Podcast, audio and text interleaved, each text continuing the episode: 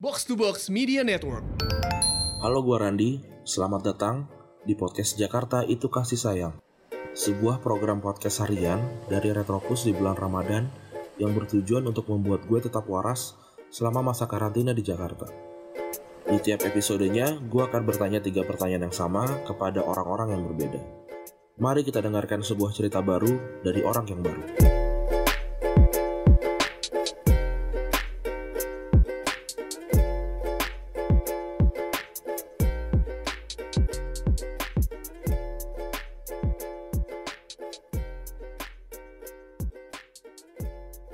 Jakarta itu kasih sayang hari ke-15 ini pertengahan bulan Ramadan. Sudah 15 orang gue ajak ngobrol, 15 cerita juga udah di-share. Tapi seperti biasa uh, gue akan membiarkan orang yang gue ajak ngobrol ini untuk memperkenalkan dirinya sendiri. Oke, silakan bro, perkenalkan nama lo.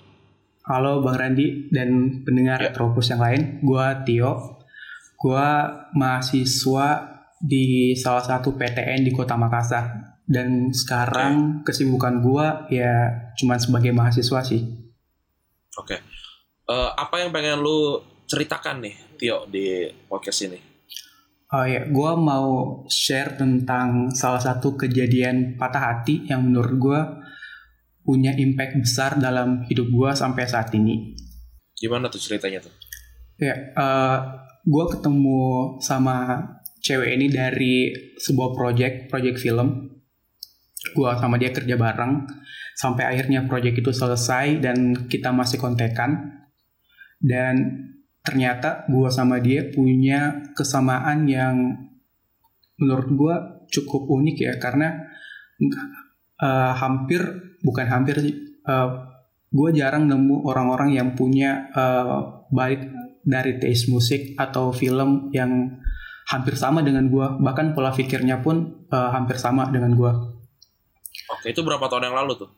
itu sekitar dua tahun yang lalu di awal 2018 Mm. Oke, oke. Terus gimana tuh? jadi eh, kita mulai nongkrong bareng kita hangout bareng nonton eh, nonton konser dan lain-lain sampai akhirnya beberapa bulan berjalan gua mempertanyakan tentang eh, dalam tanda kutip kejelasan kita ini apa gitu dan jawaban yang gue dapat adalah waktu itu dia masih belum move on dari seseorang dan gue sangat menghargai hal itu. Karena gue juga nggak terlalu mempermasalahkan tentang hal itu sih. Karena selama gue nyaman ya udah kita jalan aja. Ta- karena kita berdua itu nggak ada status jadi kita berdua bebas gitu buat eh, ngapain aja di luar di luar apa kontekan kita berdua. Jadi Ya. sering banget dia kayak eh, nggak ada kabar dan gue nggak bisa nuntut apa-apa juga kan dia sering eh, kita berdua sering lost contact sampai akhirnya kita bener eh, beneran nggak kontekan sama sekali sampai pada Desember eh, 2018 jadi sekitar 10 sampai 11 bulan gitu Dari ketemu pertama. Iya dari ketemu pertama Oke. Itu posisinya Terus eh Hmm. gue pengen nanya, itu maksudnya lost contact tuh tiba-tiba aja kayak hari ini chat, terus tiba-tiba besok bisa aja hilang gitu. Iya, kayak gitu bang. Bahkan bisa sampai kayak sebulan dua bulan gitu. Tapi dia posting gitu. Terus dulu nggak lihat dia posting sama siapa gitu apa gimana? Eh, kebetulan dia itu orangnya introvert juga ya, kayak eh, Oke. apa? Kayak tertutup juga. Jadi gue paling ngeliat tweetnya dia. Kalau Instagram dia jarang gitu. Oke. Terus akhirnya gimana tuh? Nah eh, kebetulan waktu itu di- eh, dua hari sebelum gue berangkat magang ke Jakarta, gue posisinya di Makassar. Gue berang eh, tiga dua atau tiga hari gitu sebelum berangkat kita ketemu dan akhirnya kita ngobrolin tentang segala hal yang apa sih namanya kayak nyangkut gitu di hati kita masing-masing kita obrolin Oke. kita selesaiin dan akhirnya itu berujung dengan gua dan dia itu jadian setelah Oke, padahal lu LDR ya. enggak wak- waktu itu mas Iya, padahal kan LDR ya. iya kan? padahal bakal LDR Oke. jadi gua kira kayak dia udah tahu konsekuensinya gitu kan Hmm. dan akhirnya kita LDR gue berangkat magang nah uh, seminggu dua minggu itu kita masih aman lah komunikasi. Kita masih ngechat gue masih teleponan juga sama dia sering. Terus minggu ketiga keempat udah mulai jarang-jarang sampai akhirnya dia uh, bilang apa sih dia butuh waktu dulu? Soalnya dia lagi ngerjain sesuatu. Dan dan waktu itu gue mengiyakan karena gue waktu itu kan juga lagi sibuk nah sampai akhirnya dia uh, lost contact sama sekali. Gue uh, nggak bisa hubungi dia. Gak ada kabar juga dari teman-temannya sampai suatu hari suatu hari kayak seminggu habis kita lost contact itu dia tiba-tiba ngechat kalau kita udahan aja ini salah dia bukan salah gue tapi nggak ngasih tahu kenapa nggak. Sampai sekarang pun gue nggak tahu alasannya kenapa. Saking gue speechlessnya gue cuman bilang iya.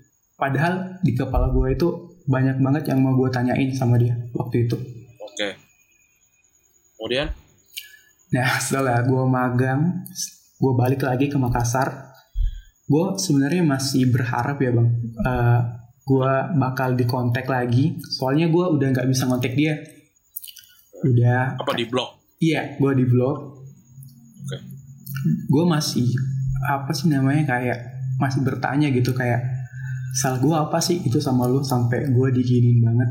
Soalnya nggak ada ini kan gue gue bisa terima kalau uh, eh, gue dikasih alasan gitu kan. A apa pun alasannya gue pasti bisa terima. Yeah. tapi uh, dia nggak ngomong apa-apa jadi uh, ini jadi beban banget di gue sampai akhirnya uh, beberapa bulan setelah itu gue masih belum bisa berdamai sama diri gue sendiri. Gue tiba-tiba dilarikan ke rumah sakit gara-gara gue uh, sesak nafas dan uh, sesak nafas yang beneran gak bisa ini gak bisa gak bisa yang kayak lu bernafas dengan baik ya? Iya yang kayak lu cuma anjing gue kayaknya bakalan mati deh. Dan itu berlang berlangsung selama beberapa hari gitu. Gue dilarikan ke rumah sakit. Uh, awalnya gue kira gue bakal kena jantung atau kena apa sih namanya kayak paru-paru basah gitu. Yeah. karena gue emang suka mandi malam. Dan ternyata gue normal jantung gue sehat paru-paru gue juga normal terus gue dibawa uh, dirujuk ke salah satu dokter dan ternyata di situ gue baru tahu kalau ternyata gue ada uh, apa sih namanya anxiety gitu, kecemasan gitu. Oke, okay. kecemasan itu itu gimana? Maksudnya cara caranya dokter uh, mendiagnosanya itu gimana? Lu ikutan tes up kayak apa tuh?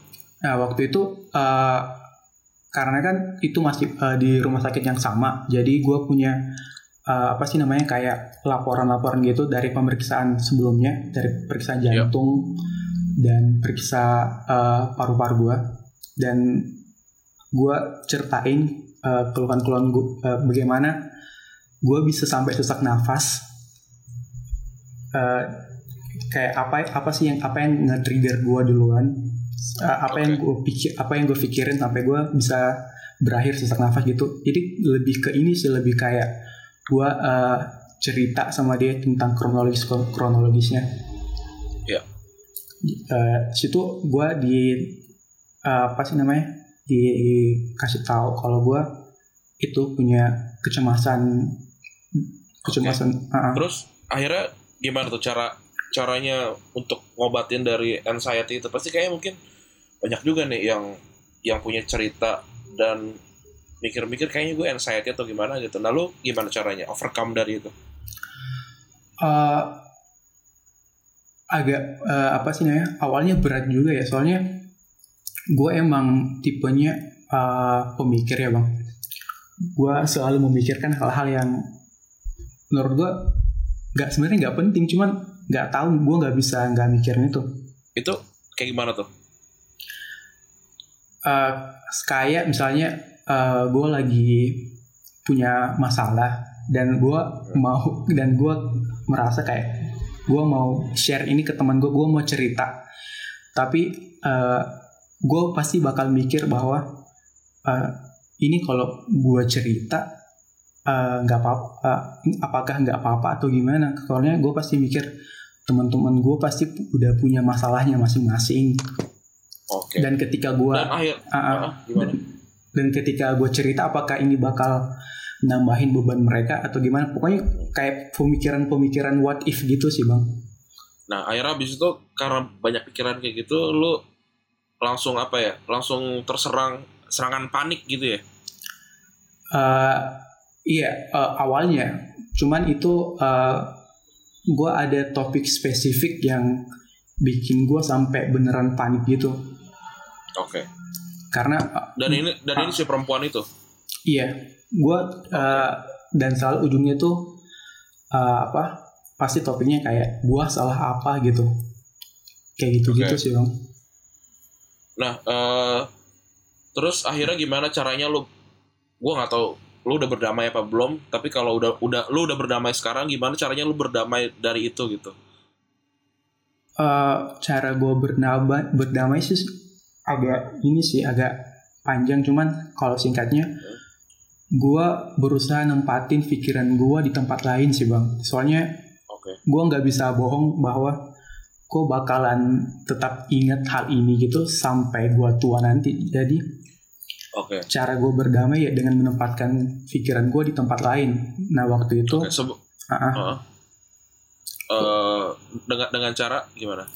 Uh, waktu itu gue mencari-cari kegiatan yang lain dan gue nemu akhirnya gue uh, waktu itu kerja kerja part time di salah satu coffee shop di sini di Makassar yang awalnya itu teman-teman gue pada nanyain karena gue kan basicnya introvert gitu ya dan menjadi ba- barista itu berarti mengharuskan lu buat berinteraksi dengan orang entah itu basa-basi atau gimana dan itu yang buat gue uh, awalnya nggak nyaman tapi mau nggak mau harus gue lakuin supaya Oke. gue bisa uh, tetap sibuk pikiran gue tetap sibuk tanpa mikirin uh, problem-problem gue itu Oke. Eh, berarti sekarang udah sama sekali udah nggak udah nggak pernah mikirin orang itu lah ya? Apa masih nih? masih tapi gue udah lebih ini sih bang lebih legowo Lebih- gitu Uh-uh. Terus eh, ini pertanyaan terakhir gue sebelum masuk ke ini ya, masuk ke pertanyaan tiga pertanyaan itu. Uh-uh. Lu pernah nyoba langsung ketemuin dia nggak? Enggak, karena dalam jujur gue masih takut sih bang untuk Oke. ketemu sama dia.